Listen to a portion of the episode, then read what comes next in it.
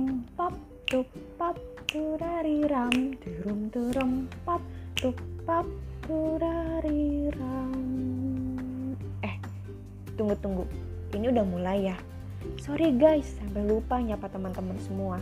Halo, di podcast kali ini aku tidak akan memperkenalkan diri aku karena pasti kalian tahu siapa aku, ya kan? nah, di podcast kali ini kita akan membahas tentang karakter radio dan televisi. Daripada kalian penasaran, langsung aja yuk check it out. Oke, baik guys.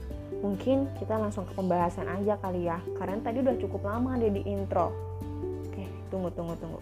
Tiga, dua, satu.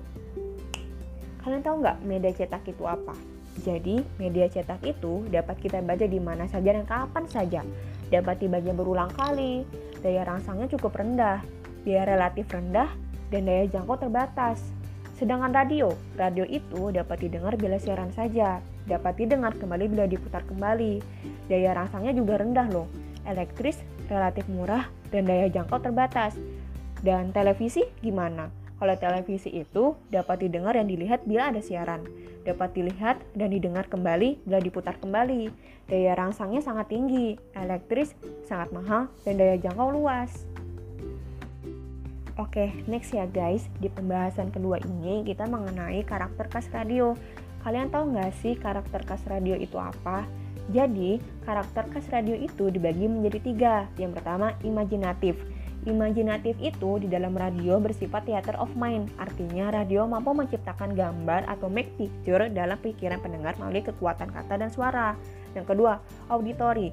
Auditory itu pendengar tidak akan dapat mendengar kembali atau hearing informasi yang tidak jelas diterimanya, karena ia tidak bisa meminta kepada komunikator atau penyiar untuk mengulang informasi yang hilang kecuali merekamnya.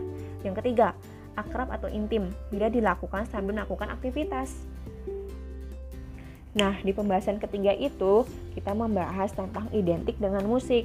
Jadi, identik dengan musik itu yang pertama mengandung gangguan, bisa timbul dan tenggelam audionya karena gangguan teknis. Dan pembahasan keempat yaitu mengenai karakter khas televisi. Jadi, di karakter khas televisi itu dibagi menjadi dua, yaitu audio audiovisual, yaitu dengar dan pandang. Yang kedua, berpikir dalam gambar. Itu pun ada dua tahap, yaitu visualisasi dan penggambaran. Sedangkan pembahasan kelima mengenai pengoperasian cara kerja yang kompleks, yaitu kekuatan televisi, detail, daya rangsang yang tinggi, teknologi tinggi, menggoda, mudah ditiru, dan jangkauan luas. Jadi gimana nih guys, udah pada paham belum sama penjelasan aku tadi? Semoga paham ya. Oke deh kalau gitu, terima kasih sudah mendengarkan podcast aku. Eh, sampai jumpa di podcast selanjutnya. Wassalamualaikum warahmatullahi wabarakatuh.